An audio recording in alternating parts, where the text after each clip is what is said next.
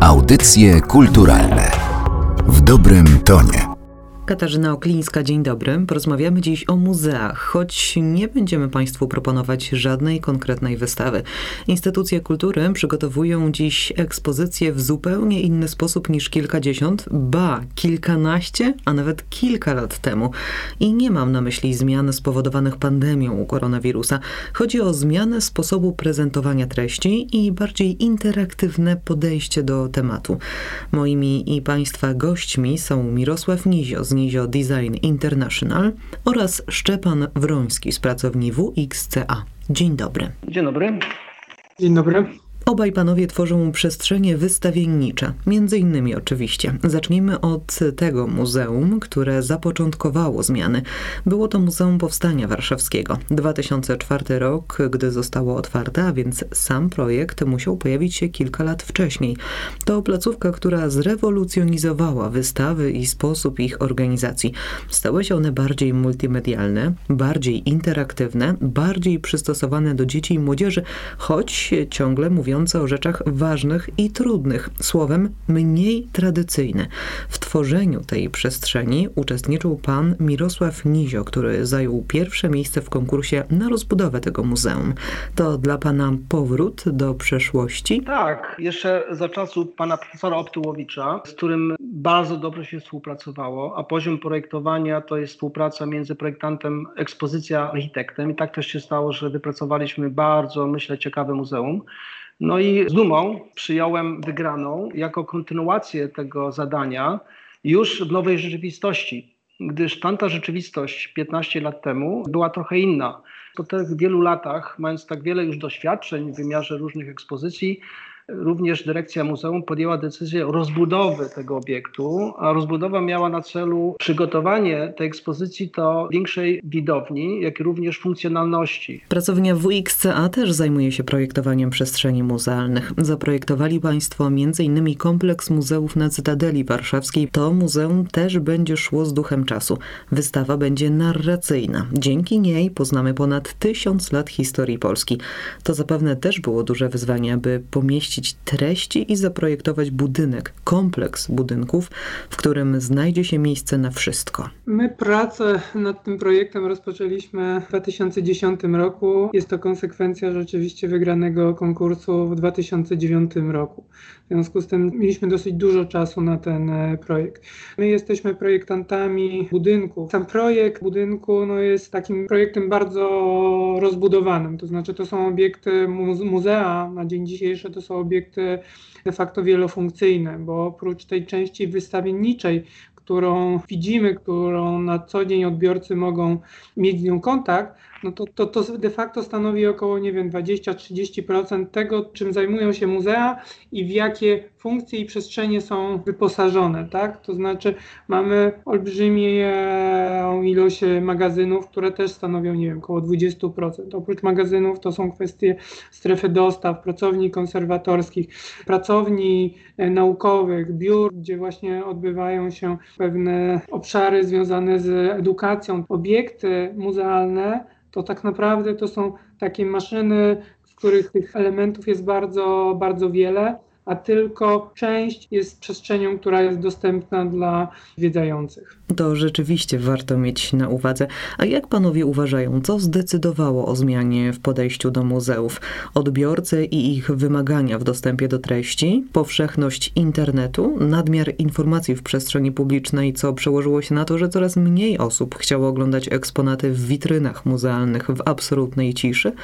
A może jeszcze coś innego? Pan Mirosław Nizio. Wiadomo jest, że projektowanie architektury, jak i również ekspozycji, jak i również przestrzeni publicznych zmienia się w przestrzeni czasu. W przypadku ekspozycji ta świadomość obcowania z narracją też się zmienia. Kiedyś budowano pomniki, Teraz buduje się miejsca pamięci, które nie tylko tworzą pewien monument, ale tworzą pewną tkankę, która jest multifunkcjonalna. No i w przypadku również odbioru też percepcja się zmienia.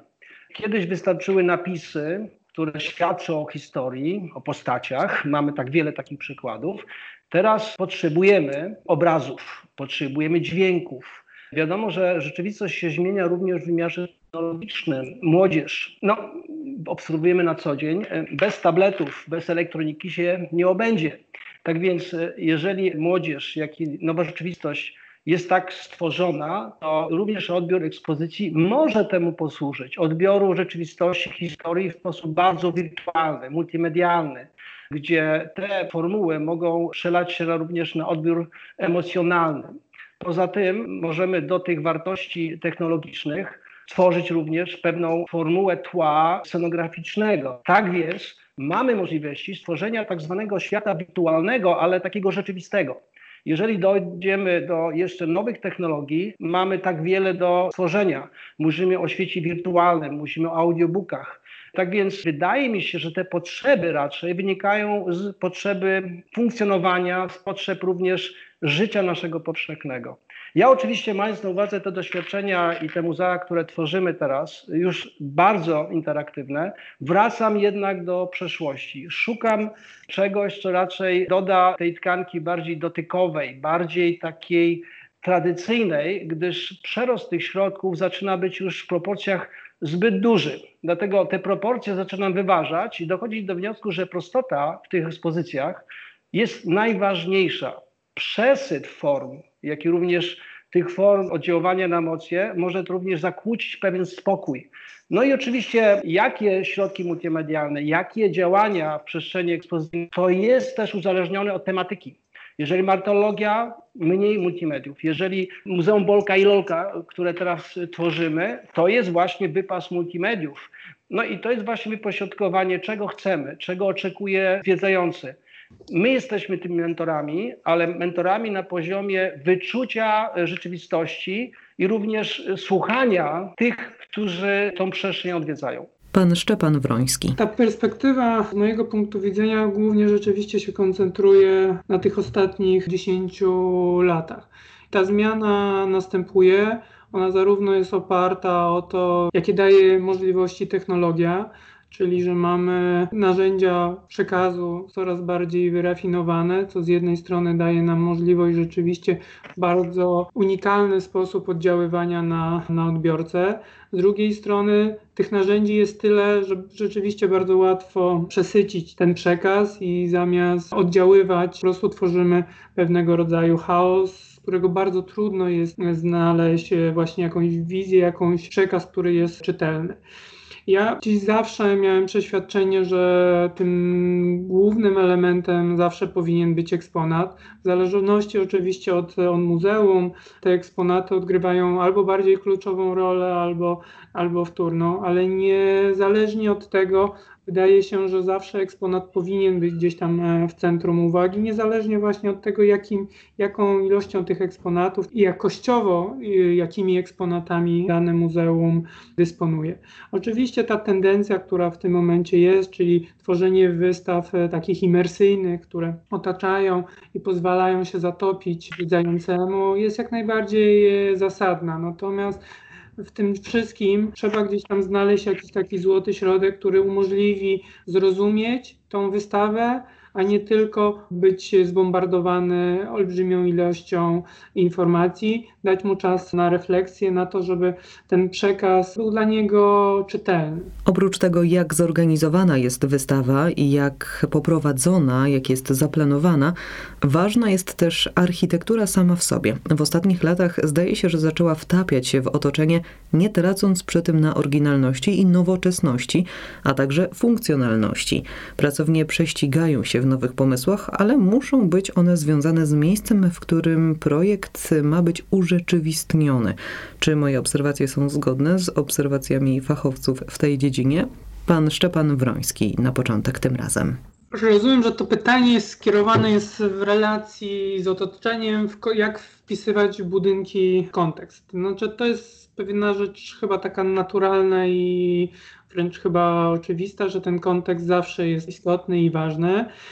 No i teraz pierwszą chyba takim punktem wyjścia jest kwestia tego, że my budynki muzealne buduje się, nie wiem, na 100-200 lat, tak? To znaczy to są budynki, które muszą odpowiednio reagować na potem ten upływ czasu, bardziej niż chociażby budynki komercyjne, których okres jak gdyby życia w dużej mierze, mierze określa aspekt finansowy, który jest no, w dużo krótszej perspektywie, czasami to jest 15-20 lat. W związku z tym podejście do projektowania takich budynków no, jest dużo bardziej, w mojej ocenie, wymagające w kontekście właśnie tej perspektywy czasu, używanych materiałów, tego, w jaki sposób one będą z upływem czasu się zachowywać, bowiem dla budynków bardzo trudnym okresem jest takie pierwsze 10 czy 20-lecie. To znaczy po 10-20 jak budynek e, powstaje, on oczywiście jest nowoczesny, bardziej bądź mniej się podoba, natomiast po tych kilku latach, 10-20, nagle się okazuje, jak on reaguje na ten upływ czasu, zarówno pod względem formy, funkcji, jak i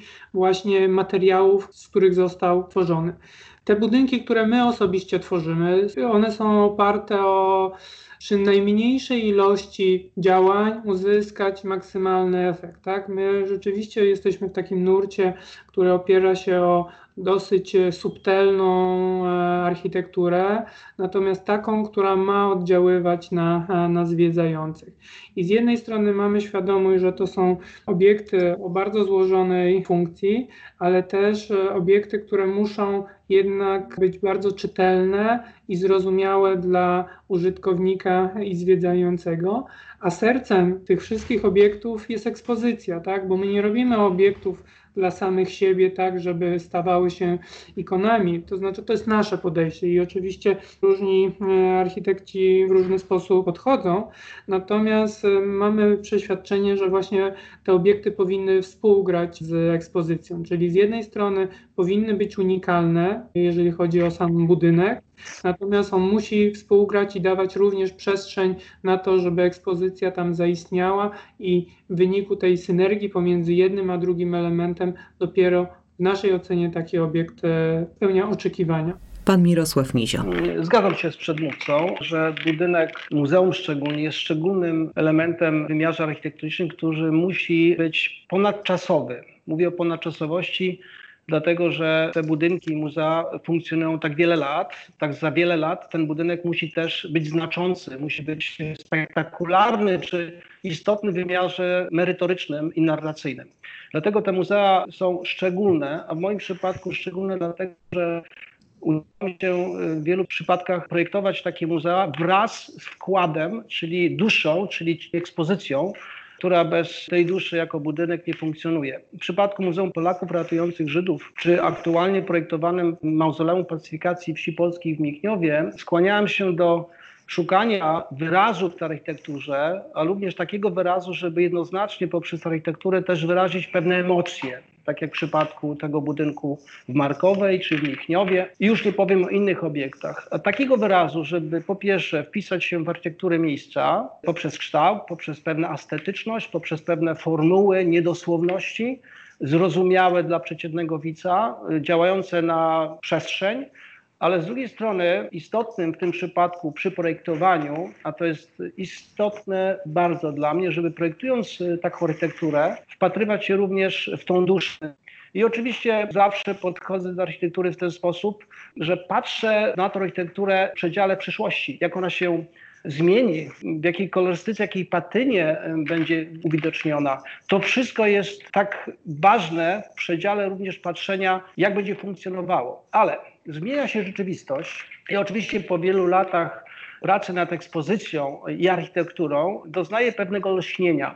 Wydaje mi się, że wchodząc w tą wirtualność, tą multimedialność, na polu również obcowania na zewnątrz, gdyż jak wiemy, aplikacje pozwalają na stworzenie takiego wirtualnego środka, przestrzeni, gdzie możemy w domu obcować w przestrzeni ekspozycji. Dlatego patrzenie na te muzea jest szczególne z punktu widzenia funkcjonalności, jak również ekonomicznego punktu widzenia. Wiemy, te wszystkie muzea to są budynki finansowane przez środki publiczne, co powoduje, że ta gmina czy te różne samorządy będą musiały jakoś te muzea utrzymać. To jest ten problem, dlatego staram się również patrzeć na to, aby te budynki były zminimalizowane, oszczędnie wykorzystane pod względem jakby również funkcjonalności. Tak, muzea są ważne, ale również i ekonomia i również dogłębne przeanalizowanie w jakim celu służyć, komu służyć jakie ma odniesienie w przyszłości. Na koniec trochę liczb. Polskie muzea w zeszłym roku odwiedziło ponad 41,5 miliona osób.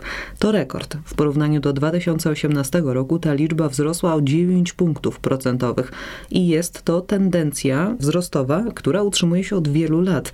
Myślą panowie, że sposób prezentacji treści ma na to wpływ? Pan Mirosław Nizio? Absolutnie. Wie Pani co, jak wielu historyków, jak i wielu z nas, czytając książki historyczne, próbowało swojej wyobraźni urzeczywistnić te fakty, tak? I teraz jest możliwość urzeczywistnienia tych faktów w sposób trójwymiarowy i to właśnie przyciąga. I również, co jest ważne, architektura, jak i ekspozycja ma służyć przyciąganiu, ma służyć temu, żeby ludzie zwiedzający mieli przyjemność, jak również odczucia, które są niespotykane na wielu płaszczyznach. I moim zdaniem jest to tendencja przyciągania na różnym poziomie nowoczesności, interaktywności, ale również, jak tutaj przedmówca powiedział pan Szczepan, muzea to jest po prostu mechanizm, który ma przyciągać nie tylko w wymiarze tej narracji, o której muzeum mówi, ale narracji, takie w przypadku Muzeum Michniowie, również narracji teraźniejszości, przyszłości, myśleniu kategoriami, a co będzie, a dlaczego się stało, spotykanie się z ludźmi, którzy mają doświadczenia i rozmawiania na temat przyszłości. I te muzea stają się takim domem spotkań na poziomie rozmów, edukacji różnej płaszczyźnie. Pan Szczepan Wroński. Ten napływ zwiedzających chyba jest efektem kilku rzeczy. To znaczy, po pierwsze, ten proces trwa od kilku czy kilkunastu lat i też sam proces realizacji tego typu inwestycji to jest kilkuletni. W związku z tym, poprzez sam fakt zaistnienia, tym samym ta ilość zwiedzających się powiększa. I oczywiście ta jakość zarówno obiektów samych, jak i wystaw cały czas odpowiada bardziej potrzebom. Kolejną rzeczą jest też potrzeba nas, jako, nie wiem, obywateli, którzy też nie tylko już zaspokajają swoje podstawowe potrzeby, ale szukają kolejnych obszarów, żeby móc bardziej właściwie chyba przeżywać swoje życie. Tych przyczyn tego wzrostu prawdopodobnie jest bardzo wiele i zakładam, że z perspektywy najbliższych, nie wiem, dwóch, trzech lat ten wzrost będzie jeszcze większy. I na zainteresowanie muzeami wydaje mi się, że wpływa też kompleksowość, to znaczy fakt, że na przykład państwa pracownie realizują nie tylko projekt architektoniczny, ale również całą wystawę, co jest kompatybilne i dopełnia się nawzajem. Bardzo panom dziękuję za to spotkanie. Moimi państwa gośćmi byli dzisiaj Mirosław Nizio z Nizio Design International, a także Szczepan Wroński z pracowni WXCA. Dziękujemy. Dziękujemy. Ja nazywam się Katarzyna Oklińska. Do usłyszenia. Audycje kulturalne w dobrym tonie.